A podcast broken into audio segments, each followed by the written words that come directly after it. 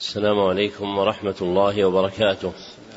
الحمد لله الذي صير الدين مراتب ودرجات وجعل للعلم به أصولا ومهمات.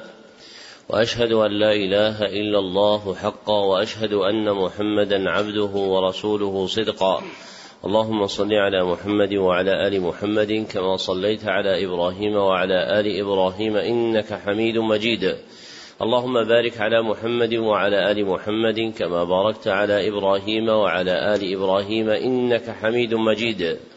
أما بعد فحدثني جماعة من الشيوخ وهو أول حديث سمعته منهم بإسناد كل إلى سفيان بن عيينة عن عمرو بن دينار عن أبي قابوس مولى عبد الله بن عمرو عن عبد الله بن عمرو بن العاص رضي الله عنهما عن رسول الله صلى الله عليه وسلم.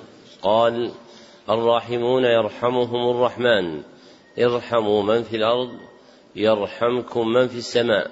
ومن آكد الرحمة رحمة المعلمين بالمتعلمين في تلقينهم أحكام الدين وترقيتهم في منازل اليقين. ومن طرائق رحمتهم إيقافهم على مهمات العلم بإقراء أصول المتون وتبيين مقاصدها الكلية ومعانيها الإجمالية. ليستفتح بذلك المبتدئون تلقيهم ويجد فيه المتوسطون ما يذكرهم ويطلع منه المنتهون إلى تحقيق مسائل العلم. وهذا شرح الكتاب الرابع من برنامج مهمات العلم في سنته الثالثة ثلاث وثلاثين بعد الأربعمائة والألف وهو كتاب القواعد الأربع لشيخ الإسلام محمد بن عبد الوهاب التميمي رحمه الله. المتوفى سنة ست بعد المئتين والألف. نعم. الحمد لله رب العالمين. وصلى الله وسلم على نبينا محمد وعلى آله وصحبه أجمعين. اللهم اغفر لشيخنا ولوالديه وللحاضرين ولجميع المسلمين. أما بعد قال الإمام محمد بن عبد الوهاب رحمه الله تعالى في القواعد الأربع.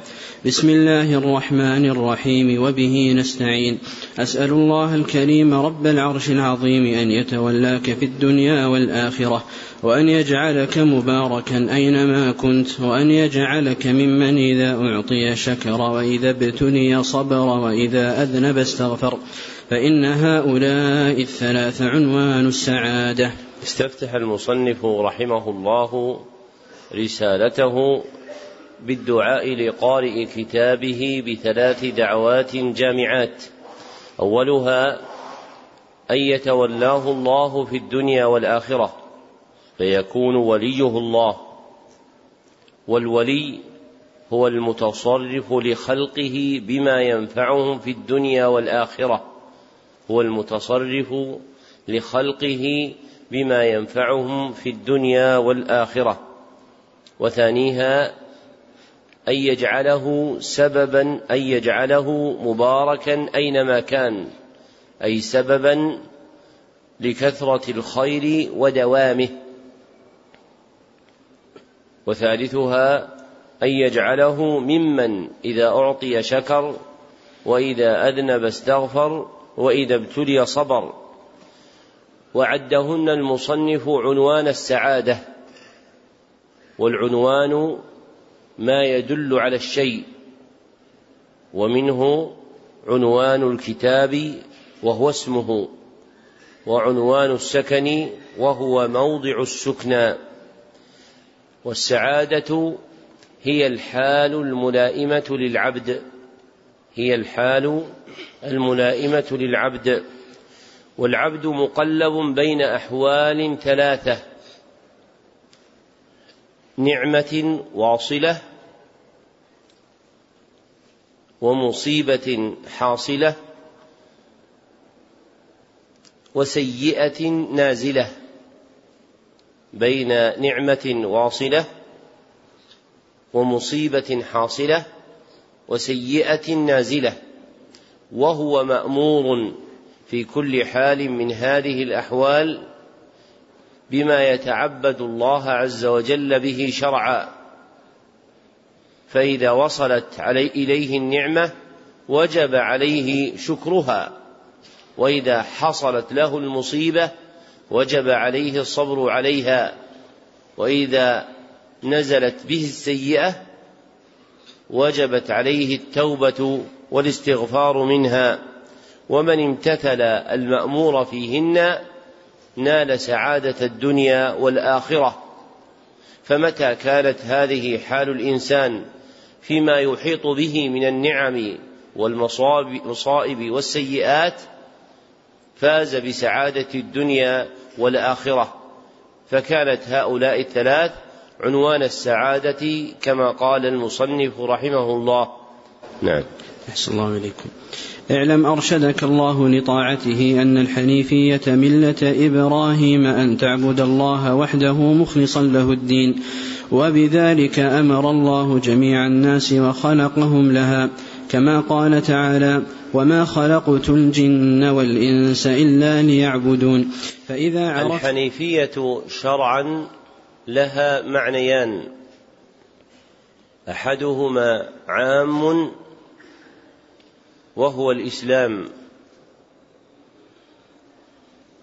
والآخر خاص وهو الإقبال على الله بالتوحيد والميل عن كل ما سواه. وهي دين الأنبياء جميعا. ولا تختص بنسبتها إلى إبراهيم عليه الصلاة والسلام. وإنما شاع في عرف أهل العلم نسبتها إليه اتباعا للسياق القراني فإنه واقع كذلك. ونسبت الحنيفية في القرآن إلى إبراهيم لأمرين. أحدهما أن الذين نزل فيهم القرآن وبعث إليهم الرسول صلى الله عليه وسلم يعرفون إبراهيم عليه الصلاة والسلام. فينتسبون إليه ويذكرون أنهم من ولده ويزعمون أنهم على ميراث من دينه فأحرى بهم أن يكونوا كأبيهم حنفاء لله غير مشركين به. والثاني أن الله سبحانه وتعالى جعل إبراهيم عليه الصلاة والسلام إماما لمن بعده من الأنبياء فأمر باتباعه ولم يجعل غيره كذلك. فناسب نسبتها إليه. ذكره أبو جعفر بن جرير في تفسيره. والناس جميعا مأمورون بالحنيفية وهي عبادة الله ومخلوقون لها كما قال تعالى وما خلقت الجن والإنس إلا ليعبدون فالآية دالة بصريح لفظها على أن الحكمة من خلق الجن والإنس هي عبادة الله. ولازم ذلك أن يكونوا مأمورين بها. فإذا كانت هذه هي حكمة خلقهم فإنهم يجب عليهم أن يمتثلوها فيعبدوا الله وحده لا شريك له. نعم. الله إليكم. فإذا عرفت أن الله خلقك لعبادته فاعلم أن العبادة لا تسمى عبادة إلا مع التوحيد. كما أن الصلاة لا تسمى صلاة إلا مع الطهارة فإذا دخل الشرك في العبادة فسدت كالحدث إذا دخل في الطهارة. فإذا عرفت أن الشرك إذا خالط العبادة أفسدها وأحبط العمل وصار صاحبه من الخالدين في النار. عرفت أن أهم ما عليك معرفة ذلك. لعل الله أن يخلصك من هذه الشبكة وهي الشرك بالله الذي قال الله تعالى فيه إن الله لا يغفر أن يشرك به ويغفر ما دون ذلك لمن يشاء. وذلك بمعرفة أربع قواعد ذكرها الله تعالى في كتابه. لما قرر المصنف رحمه الله أن حكمة خلقنا هي عبادة الله وهذا أمر اتفاقي بين أهل القبلة ذكر أن العبادة لا تسمى عبادة إلا مع التوحيد. فمن زعم أنه يعبد الله وهو غير موحد له فهو كاذب في دعواه ولا اعتداد بعبادته. وعبادة الله لها معنيان. أحدهما عام وهو امتثال خطاب الشرع المقترن بالحب والخضوع امتثال خطاب الشرع المقترن بالحب والخضوع. والثاني خاص وهو التوحيد. فتطلق العبادة ويراد بها التوحيد. وعبر بالخضوع في بيان حقيقة العبادة العامة دون الذل خلافا للجاري في ألسنة المتكلمين فيها لأمرين. أحدهما اقتفاء خطاب الشرع في كون الخضوع عبادة يتقرب بها إلى الله بخلاف الذل فإن الذل يتمحض في كونه قدريا كونيا. أما الخضوع فيكون كونيا قدريا ويكون دينيا شرعيا. فيقال للخلق اخضعوا لله ولا يقال لهم ذلوا لله. ووفق ذلك وقعت دلائل الشريعة.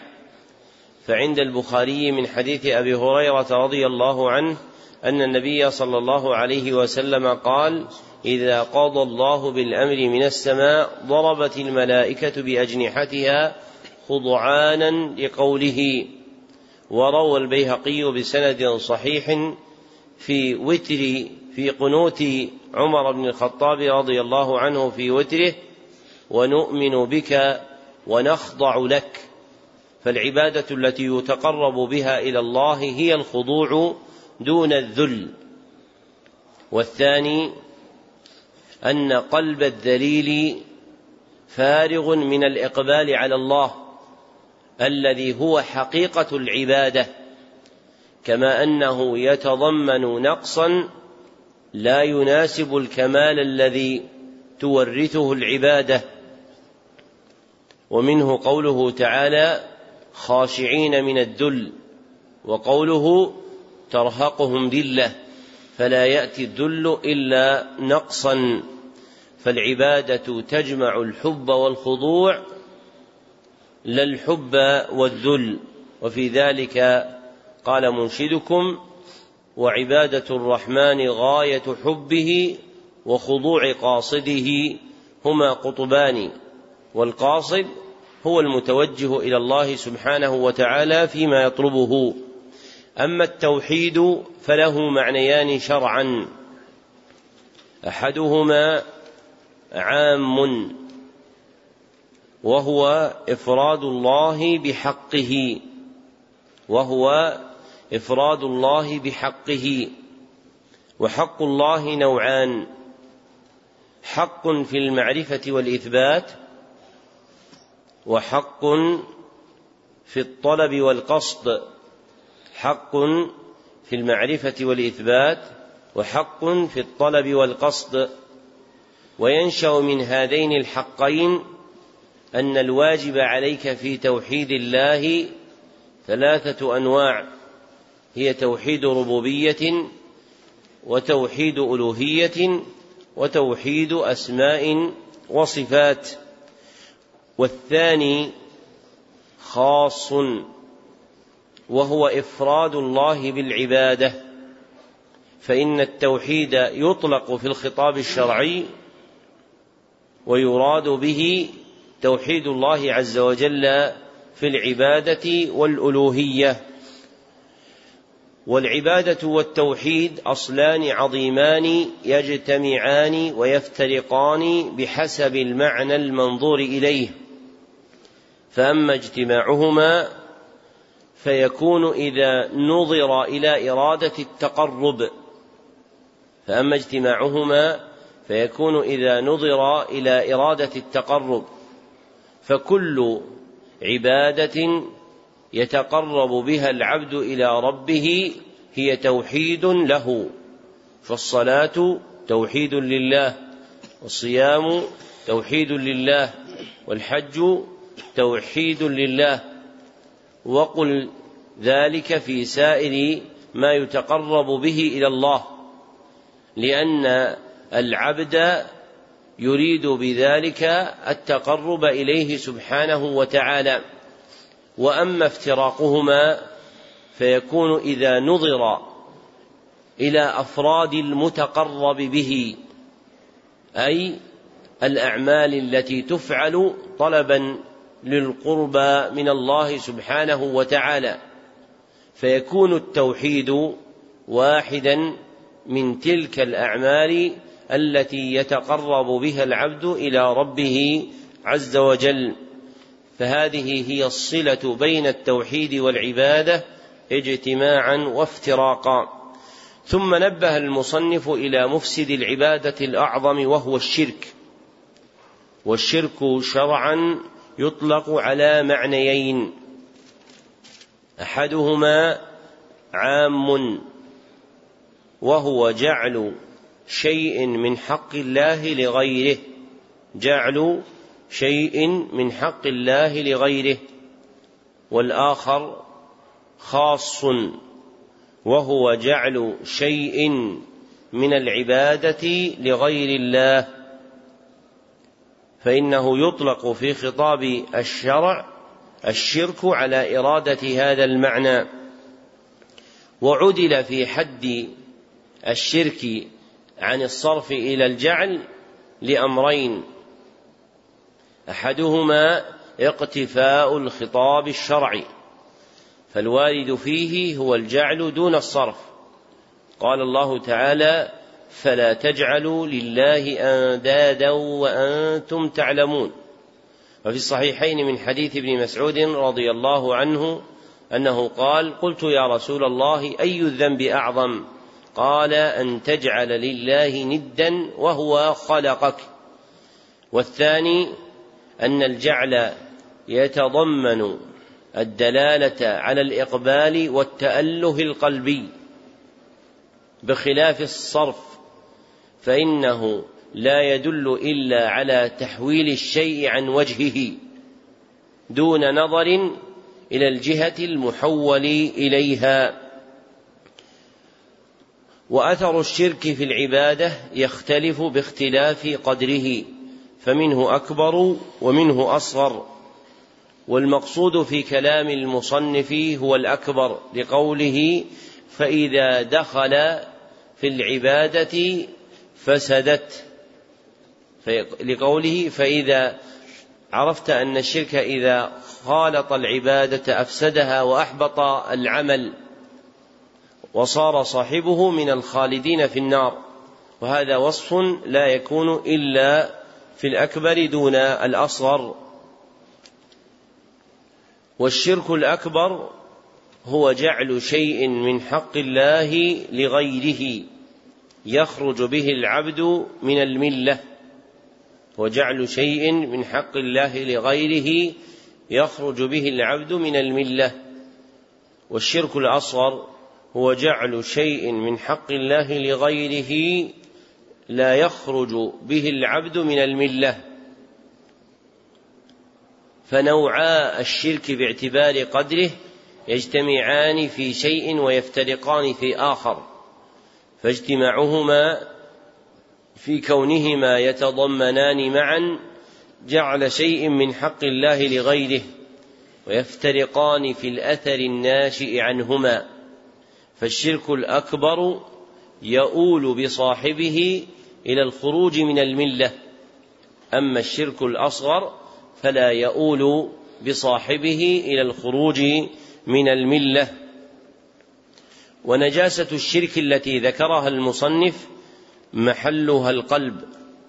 وقد تقدم أن أصول نجاسات القلب ترجع إلى ثلاث هن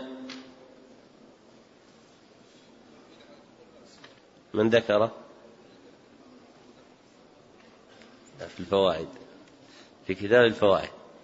وقد سبق الإنباه إلى أن أصول نجاسات القلب ثلاث أولها الشرك وثانيها البدعة وثالثها المعصية ذكره ابن القيم في كتاب الفوائد. وكما يؤمر العبد بدفع النجاسة الظاهرة عنه يؤمر بدفع النجاسة الباطنة عن قلبه وأعظمها الشرك بالله سبحانه وتعالى. ومما يحمل العبد على تحري دفع هذه النجاسة عن قلبه سوء أثرها وعظيم عاقبتها وما تؤول به حال العبد إذا كان من المشركين من حبوط عمله. ومصيره إلى النار وكونه من الخالدين فيها. وهذه النجاسة هي أعظم حبالة ينصبها الشيطان وهو الذي أراده المصنف بقوله هذه الشبكة فإن الشيطان ينصب شباكا يختل بها الخلق ليخرجهم عن دين الله أعظمها شبكة الشرك التي إذا أمسكت بأحد آلت به إلى حبوط عمله وصيرته من أهل النار أعاذنا الله وإياكم منها. وذكر المصنف رحمه الله تعالى في التحذير من الشرك وبيان خطره وسوء عاقبته قوله تعالى إن الله لا يغفر أن يشرك به ويغفر ما دون ذلك لمن يشاء. فهذه الآية دليل على أن الشرك كله لا يغفر لأن المصدر المؤول المسبوك من أن والفعل المضارع المقدر بقولنا شركا وقع نكرة في سياق نفي فتقدير الكلام إن الله لا يغفر شركا به. والنكرة في سياق النفي تعطي إيش؟ تعطي العموم. فيكون الشرك كله غير مغفور. وهذا أصح قولي أهل العلم في تفسير الآية. ومما يعين العبد على معرفة الشرك ليحذره معرفة أربع قواعد ذكرها الله في كتابه. تبين حال المشركين الذين بعث فيهم محمد صلى الله عليه وسلم وما كان يدعوهم إليه وتتضح بها حقيقة الشرك ويتميز دين المسلمين عن دين المشركين وهي القواعد التي ذكرها المصنف هنا. فالغاية من هذه القواعد التفريق بين دين المسلمين ودين المشركين ومردها إلى معرفة الدين الذي جاء به النبي صلى الله عليه وسلم ومعرفة حال المشركين الذين بعث فيهم واستمدادها من القرآن الكريم. فهي ليست كلاما من مبتكرات المصنف غير مشيد على برهان جلي من القرآن بل قصد المصنف تخصيص دلائل هذه القواعد بالقرآن فكل قاعدة منها ذكر دليلها من القرآن وربما زاد بذكر دليل من السنة. فيعلم أن ما قرره فيها ليس بدعا من القول. والمصنفون في بيان الدين إذا قيدوا شيئا على وجه التقعيد بعدد معين فلا يريدون بذلك أن الأمر منحصر فيها وإنما يريدون ثبوت تلك القواعد بدلائلها من القرآن والسنة.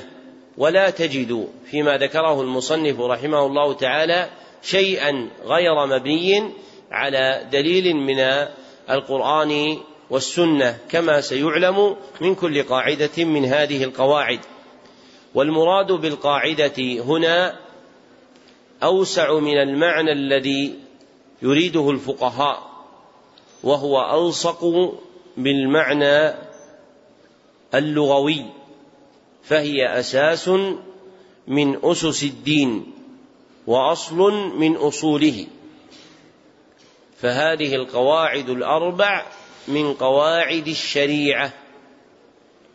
ويسوغ أيضا إرادة المعنى الاصطلاحي للقاعدة لأنه كما سلف قضية كلية تنطبق على جزئيات متفرقة من أبواب متعددة لكن هذه الأبواب لا تختص بالفقه بل تعم الدين كله فهي قواعد دينية.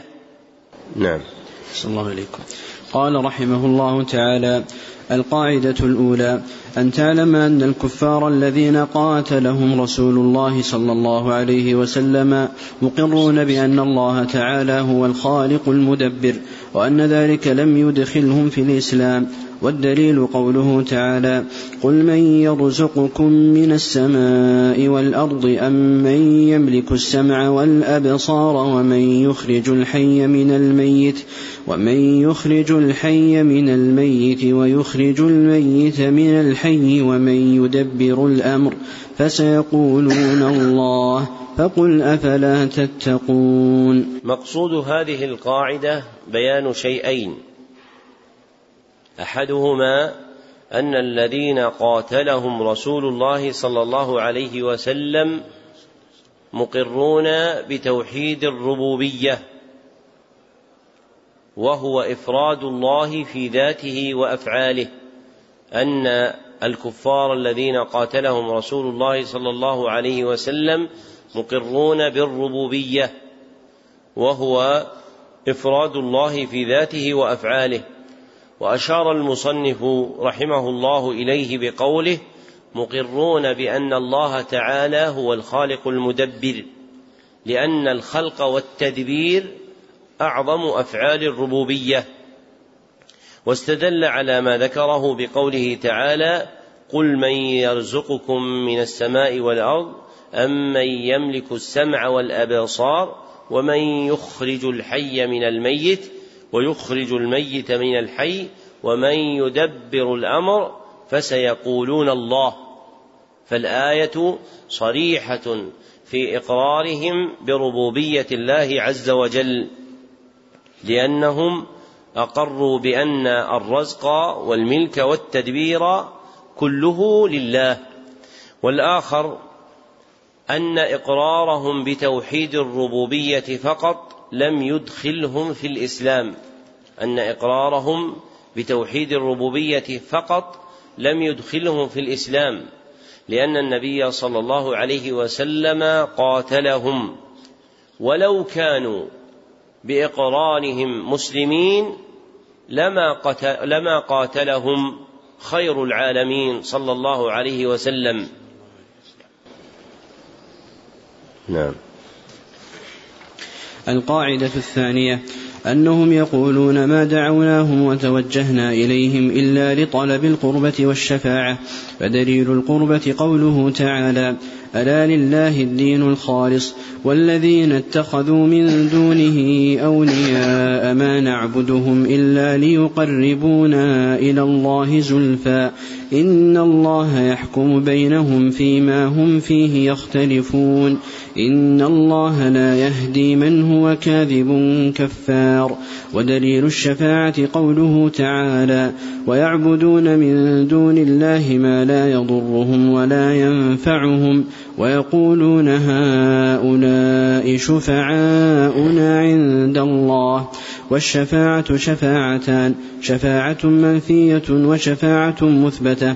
فالشفاعة المنفية ما كانت تطلب من غير الله فيما لا يقدر عليه إلا الله. والدليل قوله تعالى يا أيها الذين آمنوا أنفقوا مما رزقناكم من قبل أن يأتي يوم لا بيع فيه ولا خلة ولا شفاعة. والكافرون هم الظالمون.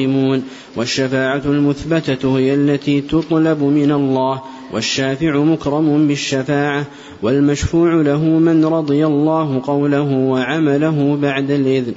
كما قال تعالى من ذا الذي يشفع عنده إلا بإذنه. مقصود هذه القاعدة بيان أن الحامل للمشركين على دعوة غير الله والتوجه إليه شيئان. أحدهما طلب القربة. أحدهما طلب القربة. والآخر طلب الشفاعة. فلم يكن المشركون يعتقدون أن معبوداتهم تدبر الأمر وتستقل بما شاءت. ولكنهم كانوا يتوجهون إليها لتحصيل الأمرين المذكورين. وقد أبطل الله هذا وهذا. فأما طلب القربة باتخاذهم الأولياء فقد أبطله الله عز وجل بنفي وجودهم. كما قال تعالى ألا لله الدين الخالص والذين اتخذوا من دونه أولياء ما نعبدهم إلا ليقربونا إلى الله زلفى. وهي الآية التي ذكرها المصنف. ثم قال في آخرها إن الله لا يهدي من هو كاذب كفار. فنسبهم إلى الكذب في دعواهم أن لله أولياء. وذلك يتضمن نفي وجود ولي من هذه المعبودات وبه صرح الله سبحانه وتعالى في قوله ولم يكن له ولي من الذل فنفى الله سبحانه وتعالى وجود الأولياء وأبطل ما تعلقوا به من طلب القربة بهذا الطريق في مواضع عدة في القرآن الكريم. فإن قال قائل فإن الله عز وجل أثبت الأولياء في قوله تعالى ألا إن أولياء الله لا خوف عليهم ولا هم يحزنون. فما الجواب؟ نعم. هم؟ الجواب أن الولي يقع على معنيين. أحدهما النصير المساعد. والثاني المنصور المعان.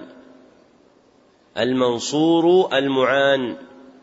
الأول النصير المساعد والثاني المنصور المعان. فالأول هو الذي كان يدعيه المشركون فنفاه الله. والثاني هو الذي أثبته الله عز وجل لأوليائه المؤمنين. فالولي المنفي عن الله هو ما كان يعتقده المشركون أن لله معينا يتصرف معه بما ينفعه. وأما الشفاعة فأبطلها الله بنفي ملك الشفعاء للشفاعة.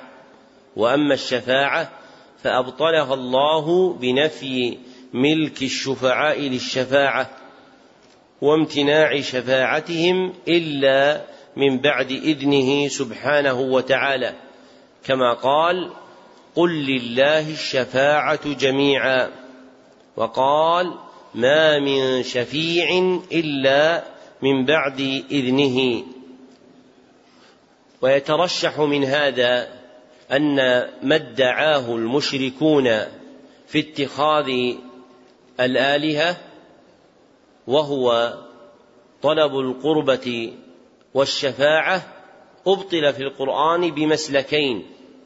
أحدهما إبطال الأولياء وفي ذلك إبطال لما زعموه من طلب القربة. والآخر إبطال ملك الشفعاء للشفاعة. وفي هذا إبطال لما راموه من شفاعة آلهتهم لهم.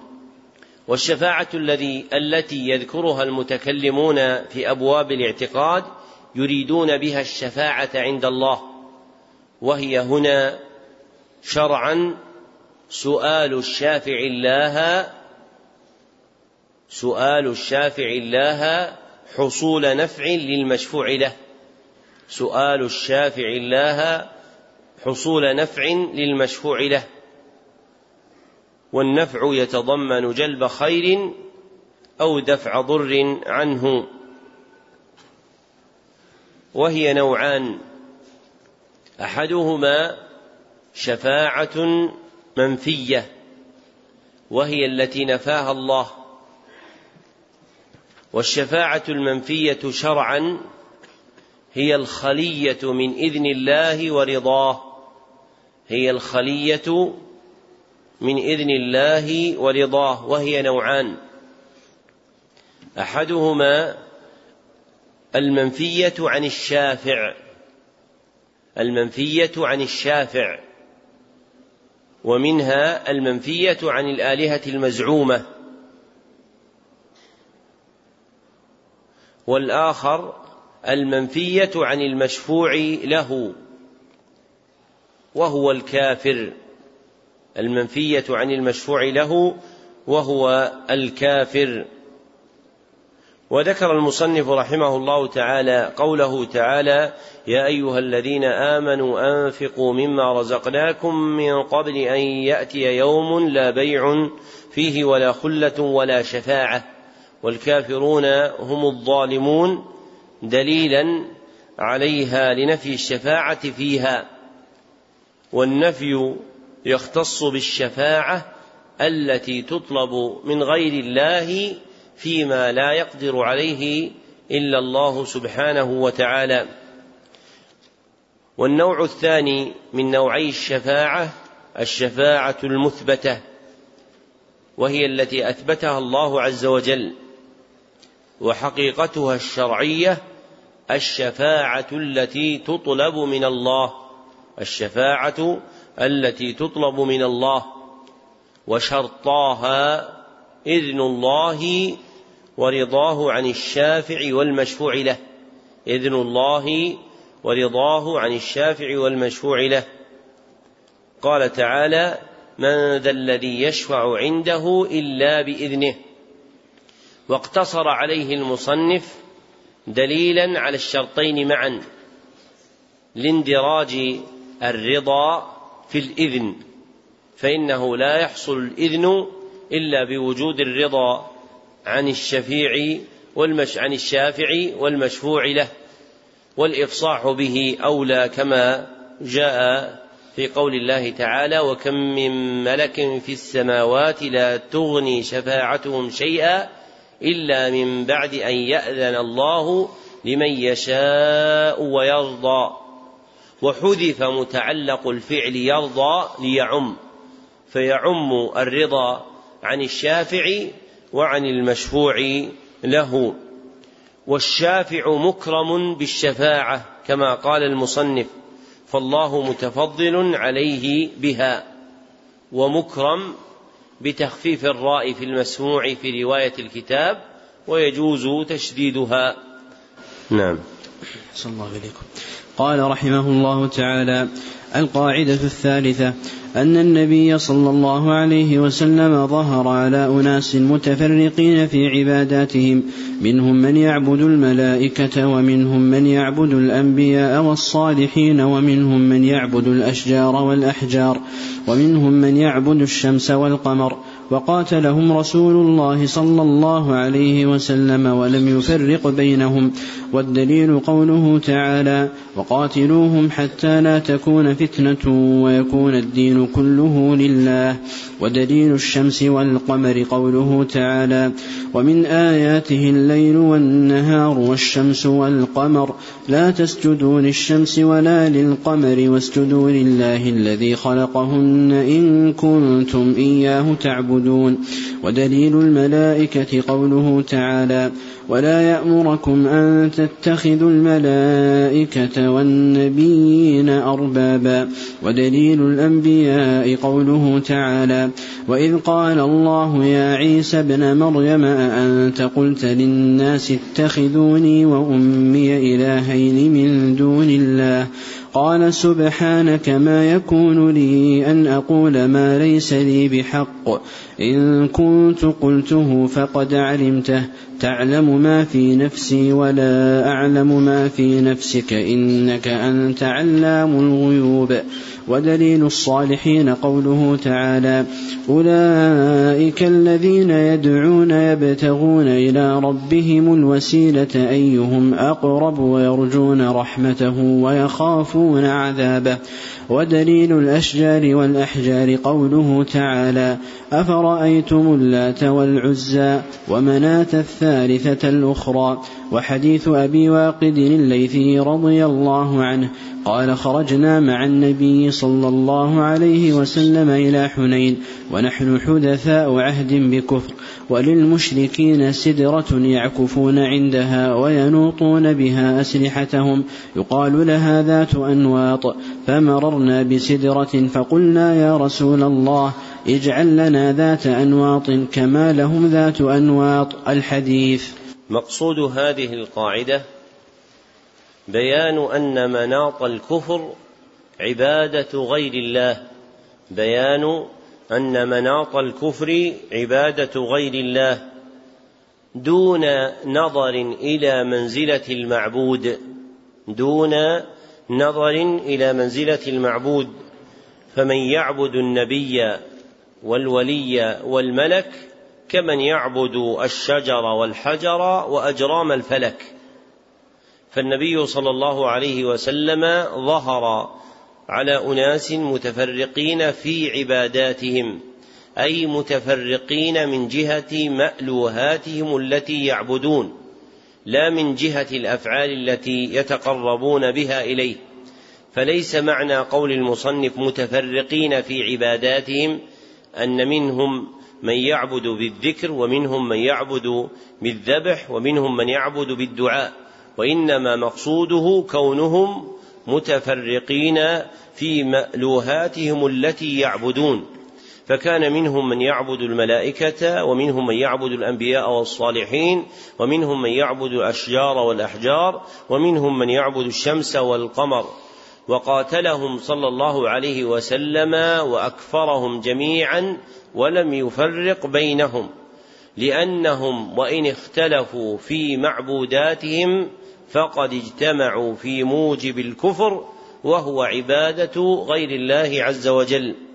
فلا يختص التكفير بمن عبد الأصنام فقط بل كل من عبد غير الله ولو كان معبوده نبيا أو ملكا أو وليا أو رجلا صالحا فإنه كافر لأن العبادة حق لله عز وجل والله عز وجل لا يقبل شركة في حقه فلا يكون التوحيد إلا بإفراده بالعبادة.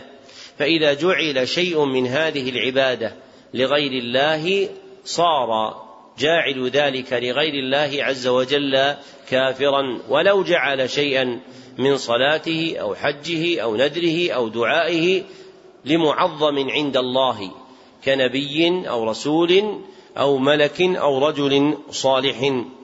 وقد ذكر المصنف رحمه الله تعالى أدلة ما قرره من تفرقهم في مألوهاتهم فإن قوله ودليل الشمس والقمر ونظائره يريد به دليل وقوع عبادة المذكورات فيه فتقدير الكلام ودليل عبادة الشمس والقمر كذا وكذا ودليل عبادة الملائكة كذا وكذا. وجميع أدلة ذلك من القرآن سوى أحد دليل دليلي عبادة الأحجار والأشجار فهو حديث أبي واقد الليثي رضي الله عنه قال خرجنا مع النبي صلى الله عليه وسلم إلى حنين. الحديث رواه الترمذي وإسناده صحيح. وللمصنف رحمه الله كلام حسن في تبيين هذه القاعدة ورد ما عورضت به من المماحلة. سيأتي معنا بإذن الله في كتابه الآخر كشف الشبهات. وقوله في الحديث يعكفون هو بضم الكاف وتكسر أيضا والعكوف هو الإقامة على الشيء والمكث عنده فكانوا يعكفون عند هذه الشجرة بالبقاء والمكوث عندها وسيأتي بيانه في كتاب التوحيد وقوله ينوطون أي يعلقون نعم. الله عليكم قال رحمه الله تعالى القاعدة الرابعة أن مشركي زماننا أغلظ شرك أن مشركي زماننا أغلظ شركا من الأولين لأن الأولين يشركون في الرخاء ويخلصون في الشدة ومشركو زماننا شركهم دائما في الرخاء والشدة والدليل قوله تعالى فإذا ركبوا في الفلك دعوا الله مخلصين له الدين فلما نجاهم إلى البر إذا هم يشركون. مقصود هذه القاعدة بيان غلظ شرك أهل زمانه فمن بعدهم من المتأخرين. بيان غلظ شرك أهل زمانه فمن بعدهم من المتأخرين. ومجموع الأدلة الشرعية والوقائع التاريخية يدل على أن شرك المتأخرين أشد من شرك الأولين من تسعة وجوه. الوجه الأول أن شرك الأولين كان في الرخاء فقط. أما شرك المتأخرين فهو في الرخاء والشدة معا. ذكر هذا الوجه المصنف هنا في القواعد الأربع وفي كشف الشبهات وجعل دليله الآية المذكورة من سورة العنكبوت فركوب البحر في الفلك وهو السفينة حال شدة هم فيها مخلصون يدعون الله تعالى. فلما نجاهم إلى البر وهي حال رخاء أشركوا به عز وجل. الوجه الثاني أن الأولين كانوا يدعون مع الله خلقا مقربين من الأنبياء والملائكة والصالحين. أن الأولين كانوا يدعون مع الله خلقا مقربين من الأنبياء والملائكة والصالحين. أو يدعون أشجارا وأحجارا ليست عاصية. أو يدعون أشجارا وأحجارا ليست عاصية. وهؤلاء المتأخرون يدعون مع الله الفساق والفجار. ذكره المصنف في كشف الشبهات. الوجه الثالث أن الأولين يعتقدون أن ما هم عليه مخالف لدعوة الأنبياء والرسل. لأنهم قالوا أجعل الآلهة إلها واحدا إن هذا لشيء عجاب. أما المشركون المتأخرون فيزعمون أن ما هم عليه موافق لدعوة الأنبياء والرسل. ذكر هذا الوجه بمعناه عبد اللطيف بن عبد الرحمن ابن حسن في رده على داود ابن جرجيس.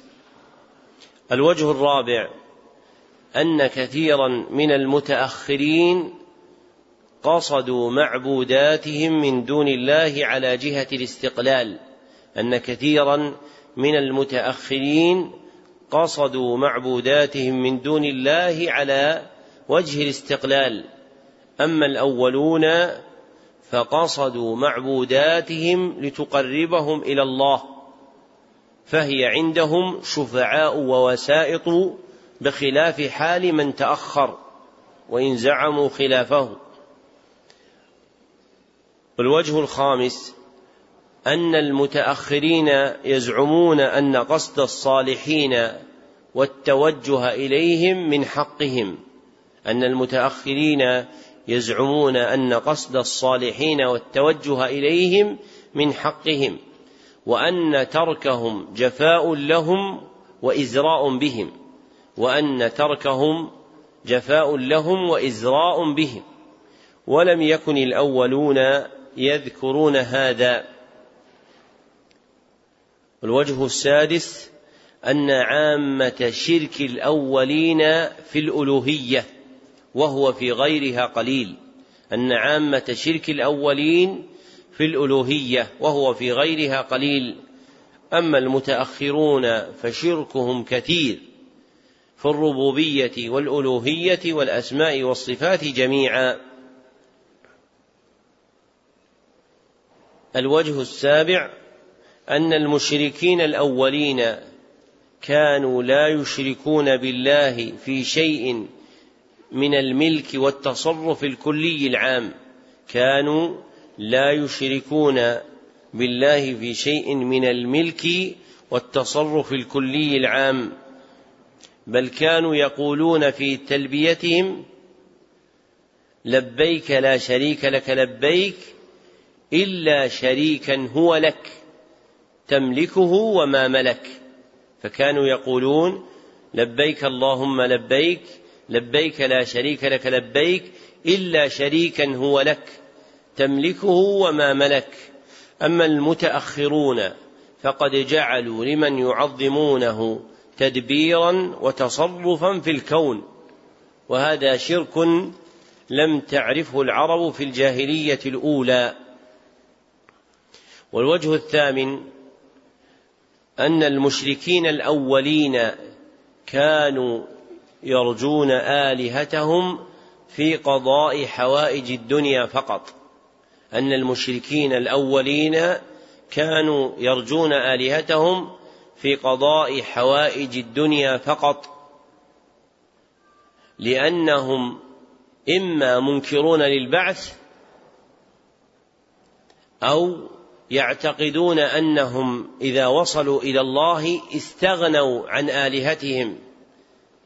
أو أنهم يعتقدون أنهم إذا وصلوا إلى الله استغنوا عن آلهتهم لما يكون لهم من الحظوة والمنزلة عند الله.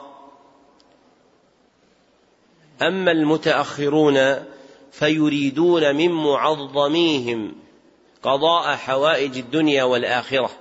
أما المتأخرون فيريدون من معظميهم قضاء حوائج الدنيا والآخرة.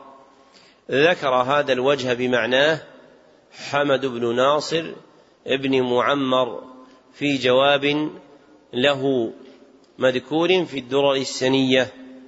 الوجه التاسع أن المشركين الأولين كانوا يعظمون الله وشعائره. كانوا يعظمون الله وشعائره. فكانوا يعظمون اليمين بالله ويعيذون من عاد بالله وببيته ويعتقدون أن البيت الحرام أعظم من أصنامهم ويعتقدون أن البيت الحرام أعظم من أصنامهم أما المتأخرون فإن أحدهم لا يجرؤ على القسم بمعظمه إذا كان كاذبا ولا يبالي إذا أقسم بالله وهو كاذب ولا يعيذون من عاذ بالله وببيته ويعيذون من عاذ بمعظمهم وبتربته ويعتقدون أن العكوف عند المشاهد والمقامات أعظم من العكوف في المساجد ويعتقدون أن العكوف في المشاهد والمزارات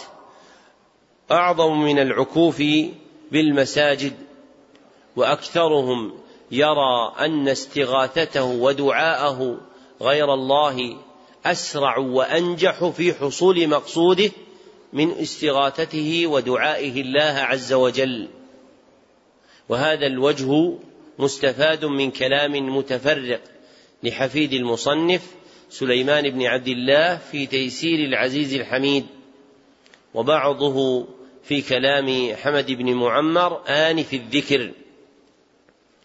وهذه الوجوه إنما يؤنس حقيقتها من عرف الشرك والتوحيد.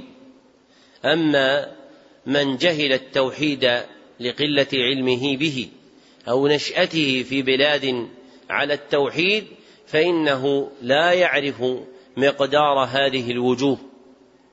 فينبغي أن يتدبر العبد ما في القرآن والسنة من ذكر أحوال المشركين وهي أحوال تتكرر في كل زمان ومكان ليعرف حقيقة الشرك والتوحيد. فإنه لما ضعف العلم في الخلق وكثرت دعاوى الشرك والنفاق وتسلط أهل الأهواء في الإسلام عظم الجهل بتوحيد الله حتى سرى هذا إلى البلدان التي يسميه أهلها بلاد التوحيد. وإن الأرض المقدسة لا تقدس أحدا وإنما يحفظ الخلق في بلدانهم بقدر ما يحفظون من حق الله عز وجل في توحيده.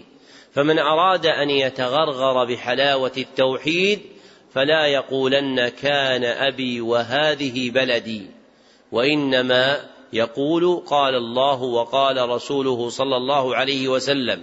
فإنه إذا كان حشو قلبه في معرفة التوحيد والشرك كلام الله وكلام النبي صلى الله عليه وسلم حصلت له قوة عظيمة في التمييز بين التوحيد والشرك وعرف لكل منهما منزلته.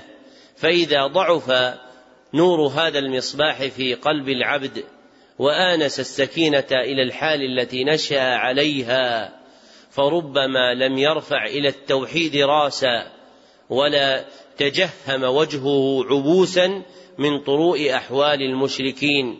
وهذه بلية سرت في الخلق بأخرة حتى صرت تسمع ممن نشأ في بلاد على التوحيد أشياء تخالف توحيد الله عز وجل لأنه أخذ التوحيد عن أبيه وجده ولم يأخذه عن الله وعن رسوله صلى الله عليه وسلم فلم يقدره حينئذ قدره ولا عرف له مرتبته ولا آنس شر الشرك الذي هو شر شر موجود على الأرض. فالله الله في تمييز توحيدكم ومعرفته بما ذكر الله عز وجل في كتابه وذكره رسوله صلى الله عليه وسلم في سنته. فإن الشرع أغنى عن كل أحد. وكلام أهل العلم إنما يراد به الاطلاع على ما يقرب من معاني الكتاب والسنة كهذا الكتاب. فإذا وقر في قلب الإنسان معاني الكتاب والسنة استغنى عن كل كلام إلا كلام الله وكلام رسوله صلى الله عليه وسلم. فنسأله سبحانه وتعالى أن ينير قلوبنا بالتوحيد وأن يعيذنا من الشرك وأن يجعلنا من عباده المخلصين. وبهذا ينتهي شرح الكتاب على نحو مختصر يبين معانيه الإجمالية. ومقاصده الكلية. اللهم إنا نسألك علما في المهمات ومهما من المعلومات وبالله التوفيق.